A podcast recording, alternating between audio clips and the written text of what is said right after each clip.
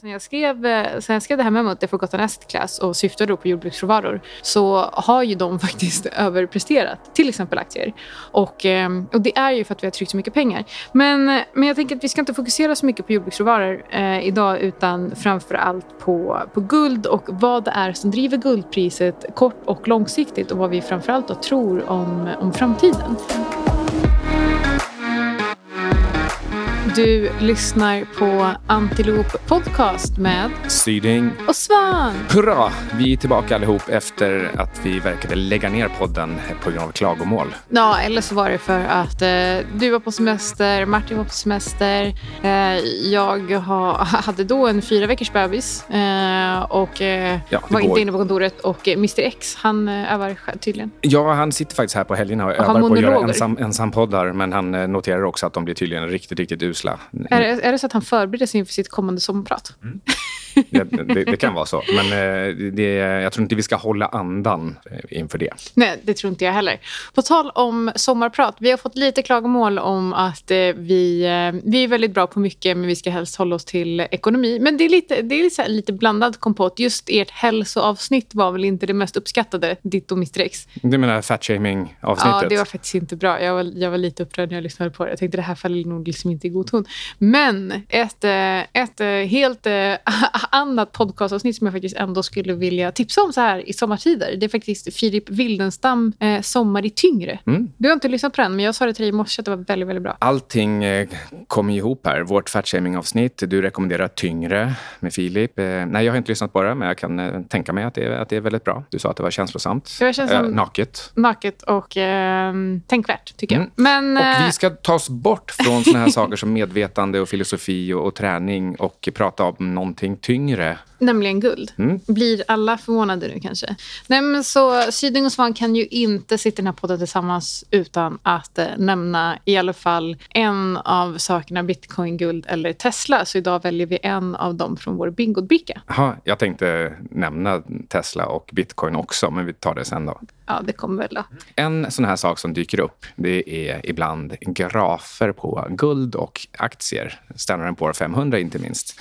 Kan man jämföra guld och aktier egentligen? Eh, nej, jag tycker inte det, men alla andra gör ju det. Och alla, man får ju, jag vet inte hur många får höra varför ska man äga en gul sten? Eh, guld har aldrig överpresterat aktier. Och eh, det säger man, för jag tror att Warren Buffett har sagt det någon gång. Och istället för att lägga två grafer mot varandra så bara litar man blint på vad han säger, för Warren Buffett har alltid rätt. Eh, han har för övrigt inte slagit S&P 500 på 20 år. Och vad är väl för övrigt 50 år mellan vänner? Precis. Och, eh, men så här är det att eh, sen 1971, och anledningen till att vi kollar bak till just 1971 är ju för att det var då USA lämnade guldmyntfoto. Så det är liksom inte så intressant att, eh, att titta på guldpriset eh, längre tillbaka. Utan det är först då som det blir, eh, blir aktuellt. Och eh, sedan dess har guld eh, i genomsnitt eh, avkastat 10,47 procent varje år. Och det är alltså från 1971 till eh, den 23 juni i år. Så det, det är väldigt eh, aktuella siffror. Och eh, om man tittar på S&P 500 och det är alltså total return, för jag fick många frågor på Twitter om det här. Jaha, men det där kan väl inte vara inklusive utdelningar? Och jo, självklart är det inklusive utdelningar. Det är det total return betyder. Precis. Har i genomsnitt avkastat 9,15 procent. Och eh, när jag la, ut, eh, jag la ut på Twitter en, eh, en bild på de här två graferna mot varandra så skrev jag unpopular. Eh, guld har, eh, har högre avkastning än, eh, än aktier. Sen Micke Syding föddes. Ja, innan till och med. Mm. Ja. Så, um, och, eh, och då liksom dyker ju diverse frågor upp. Okej, men har du tagit till hänsyn till lagringskostnader? Det där kan väl inte vara eh, inklusive utdelningar och så vidare. Och så vidare. Och, så, och vad är genomsnittliga eh, kontango? Var det någon som frågade. Okej, men, men om du nu ska handla terminer på både S&P och guld så har du ju roll yield på båda två. Så att, eh, då får vi titta på genomsnittliga roll yielden för, för både guldaktier. Men jag tänkte att eh, istället för att vi bara eh, pratar om de här två graferna eh, så kanske man ska diskutera gulds, gulds roll i en portfölj. Jag vet att vi har gjort det tidigare men eh, eh det är väldigt tydligt att eh, det fortfarande inte går in så att eh, då drar vi det igen. Mm. Eh, Det är ur mitt eh, perspektiv framför framförallt en fråga om eh, tillfällig relativ värdering. Till exempel om aktier har blivit både absolut och relativt väldigt dyra. Absolut dyra i förhållande till det underliggande värdeskapandet. Relativt dyra i förhållande till hur de har gått mot till exempel hur just guld har gått. Och då kan man jämföra med andra måttstockar, till exempel penningmängd eller någonting sånt. Ehm, så, så dels har vi då den här eh, värderingsaspekten. Ehm, men sen finns också en, eh, en hedge-aspekt eller en torrt krut-aspekt. Där om man har 10, 20 eller 30 procent av portföljen ständigt i guld, då har man den här optionaliteten att när, eh, när aktier rör sig mycket, framförallt då neråt, då kan man passa på att köpa fler. Och har man tur så har till och med guld dessutom gått upp absolut och inte bara relativt. Precis, och det du pratar om är egentligen någonting som Markowitz fick eh, Nobels, eh, nej, ekonomipriset till Alfred Nobels minne 1947 eller 48 tror jag det var, eh, för portföljteori. Och han kunde då visa på att det bästa sättet att generera hög riskfriad avkastning det är genom att köpa olika tillgångar med låg korrelation till varandra. Den här podden kommer absolut inte handla om att vi säger att guld har varit bäst historiskt, därför ska du bara äga guld. Varken jag eller Micke tycker att guld ska, eh, ska vara majoriteten av portföljen. Det vore ju helt sjukt om man trodde att man ska köpa guld. Det är ju bara en sten, den avkastar ingenting. Det är ingen verksamhet, det är ingen växande ekonomisk aktivitet. Precis, så syftet med eh, en investeringsportfölj när du sätter ihop den, det är att över tid äga så många och så mycket producerande tillgångar som möjligt. För det är så vi skapar värde. Eh, och det kan man alltså göra genom att till exempel ha en del okorrelerade tillgångar, vilka du kan sälja för att köpa fler av de här producerande tillgångarna när de faller i pris. Och Det är den rollen som till exempel guld spelar i en portfölj. Så man skulle kunna eh, sammanfatta det hela som att det vi alltid vill, det är ju äga fler ehm, eh, Evolution Gaming-aktier. Så man har, först har man 100 Evolution Gaming-aktier, men också 10 kilo guld vid sidan. Så, eh, så nästa steg så har man, så har man 110 Evolution Gaming-aktier, sen har man 120. Så varje gång Evolution Gaming tappar i kvot mot guldet, då säljer man lite guld och så köper man fler Evolution Gaming-aktier. Precis, och det här tycker jag blir extra tydligt om man också tittar på min historiska allokering i Cygnus. För jag pratar ju oftast om råvaror och guld i relation till den strategin. Och då kanske man tror att det, att det där majoriteten av, eh, av pengarna faktiskt ligger. Men om man tittar på den historiska allokeringen när vi har gjort backtest, för att hela allokeringen bygger då på relative value mellan de här olika tillgångsslagen. Då är alltså 72,5 eh, eh, exponerat mot just aktier. Så det är inte alls så att jag tycker att aktier är ett dåligt tillgångslag och att jag bara tycker att man ska äga annat. Precis tvärtom. Jag vill eh, ha en hög riskjusterad avkastning och jag vill kunna köpa aktier billigt som jag sen kan hålla länge. Och Det kan jag göra genom att hedga min aktieportfölj med de här andra typerna av tillgångar. En annan eh, portföljteoretisk aspekt det är att om man har två stycken strategier som över tid har funkat väldigt bra, eh, 50 år, 100 år, och det kan till exempel exempel vara att man har en, eh, en värdeansats eller en tillväxtansats eh, eller en, eh, en värderingsansats eller en momentumansats eller en buy and hold-ansats. De här sakerna de har funkat väldigt, väldigt bra sen andra världskriget. Alla, allihop, har funkat väldigt bra. Och just därför så kan man också anta att de kommer fortsätta funka väldigt bra över långa, långa tidsperioder. Och då ska man passa på att köpa den som har gått dåligt i några år och sälja den som har gått bra i några år. Så när de här liksom spreadar isär, när en springer ifrån, om man inte har väldigt goda skäl att tro att världen permanent har förändrats, då ska man passa på att byta till den som har blivit mycket, mycket billigare. Den som har gått dåligt helt enkelt. Det här kan kännas kontraintuitivt, fast jag tycker att det känns snarare precis tvärtom. Väldigt intuitivt. Precis. Jag skrev eh, för åtta eller nio månader sedan ett memo som jag döpte till The Forgotten Asset Class, där jag skrev om hur man i media ofta dödförklarar olika tillgångsklasser. Och sen så var det någon som hade gjort en studie på det här och tittat på hur har olika tillgångsklasser presterat de kommande månaderna, kommande sex månaderna efter att media har dödförklarat dem. Och eh, absolut bäst. Det har vi liksom de bäst presterande tillgångsklasserna i liksom alla kategorier. Och... Ehm, och Det tyckte jag var lite roligt för att just jordbruksråvaror var ju en sån typ av tillgångsklass som väldigt nyligen var liksom dödförklarad. Jag fick höra att jag visste inte vad jag pratade om. Eh, teknologi hade gjort det billigare att odla för att man faktiskt tittade på produktionskostnaden så ökade den. Eh, så vi var ju tydligen inte där än, vilket jag tyckte var i, jätte, jättemärkligt att man faktiskt inte ens tittade upp siffrorna trots att man, eh, trots man, trots att man hävdade X eller Y. Ehm, men, eh, men sen dess då, sen jag skrev, eh, sen jag skrev det här memot, det Forgotten Asset Class och syftade då på jordbruksråvaror så har ju de faktiskt överpresterat till exempel aktier. Och, um, och det är ju för att vi har tryckt så mycket pengar. Men, eh, men jag tänker att vi ska inte fokusera så mycket på jordbruksråvaror eh, idag utan framför allt på, på guld och vad det är som driver guldpriset kort och långsiktigt och vad vi framför allt då tror om, om framtiden. Och jag brukar ju eh, kategorisera eh, priskatalysatorer i, i brus och signaler. Är det några särskilda signaler du ser nu? Kan eventuellt Federal Reserve vara inblandat? Kanske. Eh, nej, men så brus är det som egentligen kortsiktigt påverkar guldpriset. Och det brukar, jag brukar kategorisera till, till exempel geopolitiska event som, eh, som brus. Eh, och Det är för att eh, om det till exempel sker... Eh, vi kan titta på 9-11 eller Iran-USA-konflikten. kortsiktigt så ser vi liksom en spike i guldpriset för att det är många som får höra från andra att guld ska vara ett slags safe haven i oroliga tider.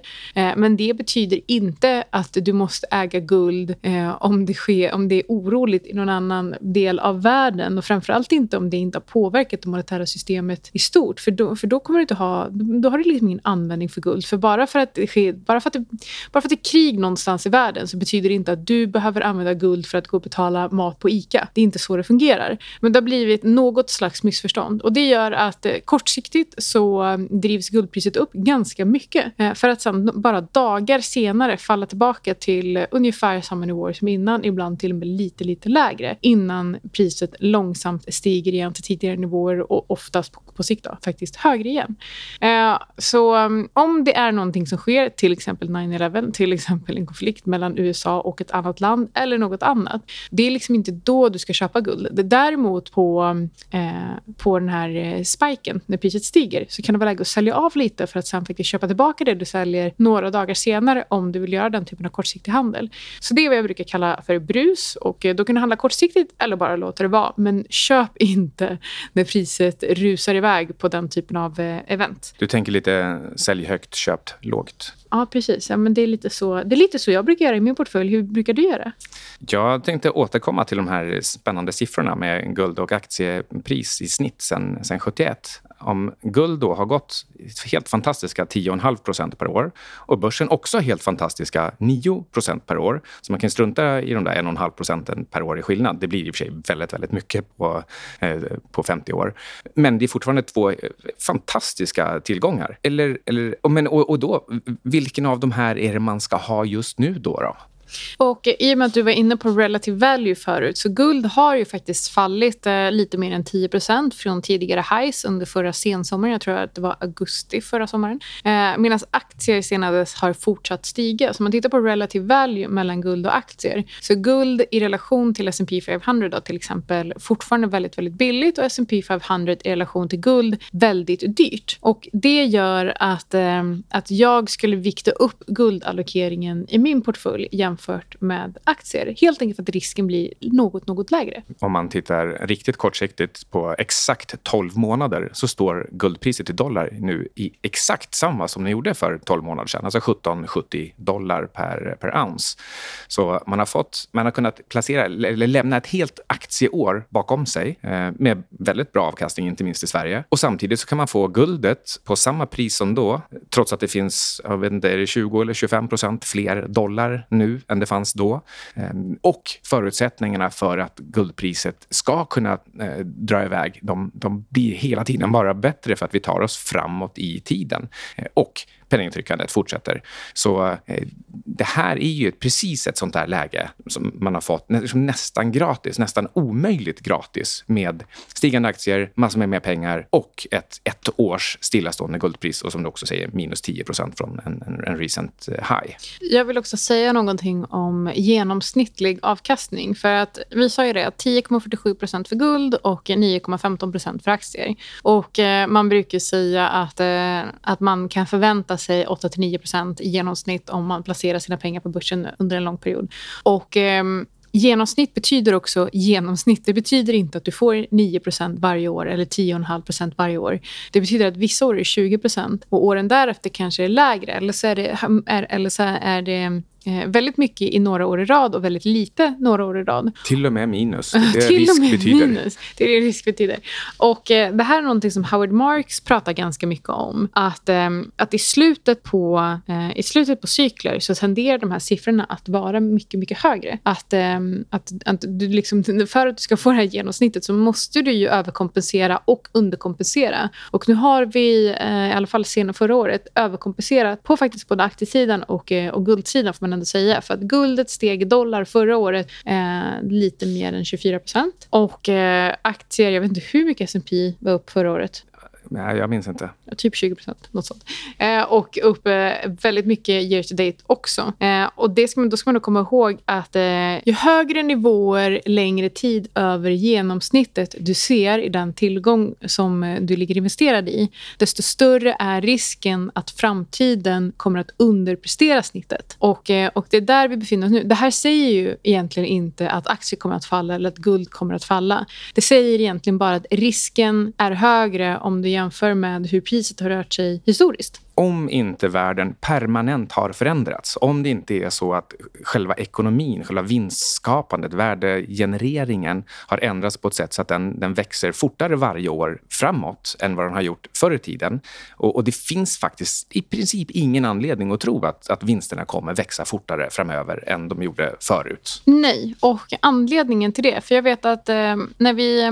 Det, ju, det går ju inte att förneka att inflationen är här nu. Och även om Fed kallar den transitory så har de först gjort det och sagt att det är över om två, tre månader för att sen ändra sig att mm, nej, men det kanske är åtta till nio månader till att mm, vi kanske får höja räntan lite tidigare än vad vi planerat. Men de köper samtidigt fortfarande eh, bonds så att, eh, så att vi är liksom inte riktigt över med stödpaketen än. Så det gör att jag har lite svårt att tro... Jag har svårt att ta deras hot om höjda räntor på allvar så länge de inte fullständigt eh, slutar med sina stödköp för att det betyder att de inte riktigt tar eh, situationen på allvar. Men men, många tittar ju på aktiekursen nu och säger att men det här är tillgångsinflation och så översätter man det till att så inflation måste vara bra för aktiepriser. Men om man tittar historiskt då på hur olika tillgångar har eh, presterat under perioder med hög inflation. Inflation är inte bra för bolag och därmed eh, bolags vinster och bör därmed inte eh, långsiktigt heller vara bra för deras aktiepriser. Och, ehm, för du sa det, hur ska vi förvänta oss att vinsterna ska fortsätta stiga? Och eh, med den här typen av eh, hög inflation och eh, kanske till och med stagflation som, vi, som står framför oss så är, så är sannolikheten inte jättestor att bolagen kommer, att ha, kommer kunna växa sina vinster lika mycket nu som de har gjort det nu under de senaste åren, eller hur? Mm. Det brukar vara härligt på börsen i, i, starten av en sån här inflation. För att man tänker att vi, man, man, ser den höga tillväxten men man, man eh, tänker att det är inte det är inte farligt för ens eh, diskonteringsränta, ens avkastningskrav. Och man tror inte att inflationen ska bli så allvarlig att den börjar störa informationshanteringen i samhället. För det är det som blir problemet sen. Att om du inte har riktigt koll på relativpriser, då tar du dåliga beslut. Det blir, ehm, det blir beslut som inte skapar värde och det, och det i slutändan kommer påverka dig som aktieägare. Så, men, men precis i starten så ser det ut som att man bara får massa gratis tillväxt utan några kostnader. Eh, och ganska snart efter det, när det brukar vara när inflationen går över 4% ungefär. Som, det är nu. Ja. men, men ehm, vi har ju ytterligare saker som är problem nu och det är att skuldbördorna är mycket, mycket högre än vad de har varit förut. Precis, och det gör också att eh, även om Fed hotar med att höja räntorna så blir det väldigt svårt för dem att göra det. När vi hade mm, den här typen av situation förra gången under 1970-talet så steg inflationen till eh, dubbelsiffror eh, dubbelsiffrigt. Någonstans mellan 10 och 99 procent. ja, precis. Men inflationen, alltså CPI, låg över 10 procent och då hade Paul Volcker the courage to act så han höjde räntan till 20 procent. Jag tror det var 1980. Det var den senaste centralbankschefen som hade modet att agera. Precis.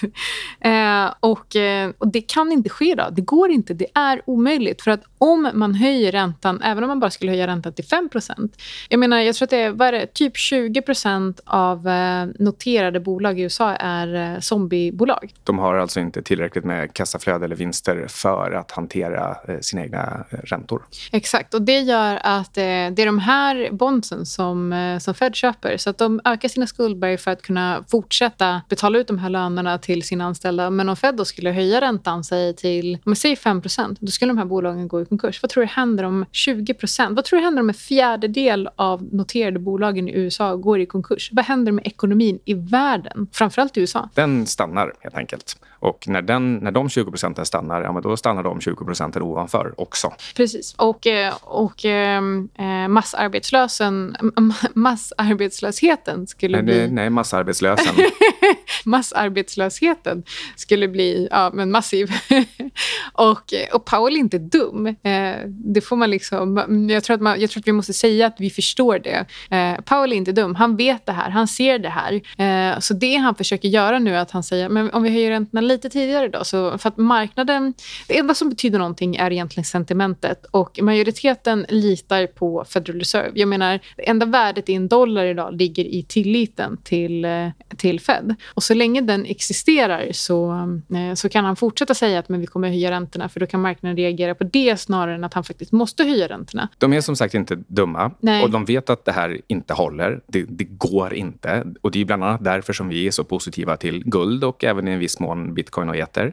Ehm, vad centralbankirerna ändå gör är att de försöker sparka den där burken framåt hela tiden. Ehm, de, de hoppas att det ska komma någon lösning från vänster, alltså kanske i form av extremt hög produktivitet eller någon slags innovationer som liksom bara kan göra all historik irrelevant. Lite som, som Tesla. Man hoppas kunna sälja massa semi-trucks i framtiden och då spelar det ingen roll att du har gjort förlust på alla bilar fram till dess.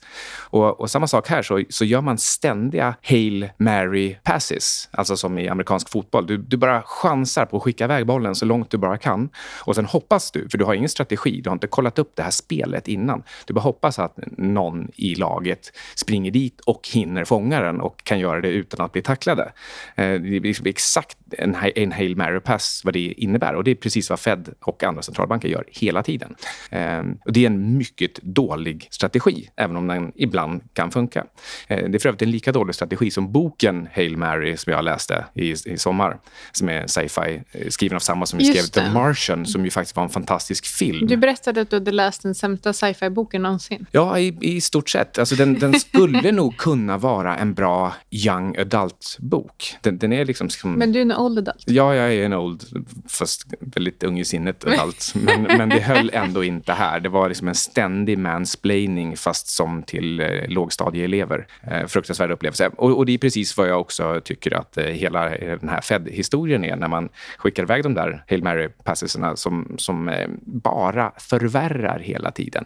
För nu står vi här, alltså vi vet ju redan sedan 2002 och 2008 att centralbankerna, de tänker i alla fall inte låta det här krascha på deras vakt. Och därför så trycker de mer och mer och mer pengar och skapar värre och värre problem. Och de vet också att det krävs en financial reset där i slutändan. Det krävs en ny valuta eller ett nytt globalt valuta valutasystem och det måste ha någon typ av ankare, ett förtroendeankare som gör att man vet att de, inte, att de i alla fall för de kommande 10, 20, 30 åren inte kan hålla på på samma sätt igen. Och det är där guld eller möjligen bitcoin eller någonting annat kan komma in som just det här ankaret där man inte kan... Eh, eh man inte bara lovar att man inte ska missköta sig utan man knyter det rent legalt till en produkt som man inte kan skapa mer av, till exempel guld. Men ska vi sammanfatta det här lite då? Inflation eh, Ehm, ser eh, initialt ut att vara positivt för aktier men är eh, förödande för deras eh, marginaler och därmed för framtida vinster. Och Det gör att när aktiepriserna har inflaterats så blir de liksom ännu känsligare för fallande vinster. Och känsligast av alla, det är ju de med höga multiplar, med eh, låga kassaflöden och vinster, med förhoppningar om stora vinster i framtiden. Det vill säga de här absolut största techaktierna som är de som har dragit börsen också. Det är de som är mest känsliga för det här och de har ju dragits upp dit bland annat av eh, passiva indexfonder. Eh, och är det de som ska vända ner på grund av hög inflation, eh, då blir det jobbigt för börsen. För resten av börsen har ju egentligen inte gjort så mycket. Och eh, guldpriset brukar historiskt eh, prestera väldigt bra under perioder av hög inflation. Och vi kanske ska knyta an till det, för när vi hade ett sånt här event under 70-talet 90 Så dig guldpriset som i princip inte har rört sig tidigare för att det var knutet till dollarn. Så släppte man guldmyntfoten, man började trycka pengar och i slutet, jag tror att det kanske var 79, så precis innan Volcker Folker drog upp räntan till 20% så steg guldpriset med 120% det året. Mm.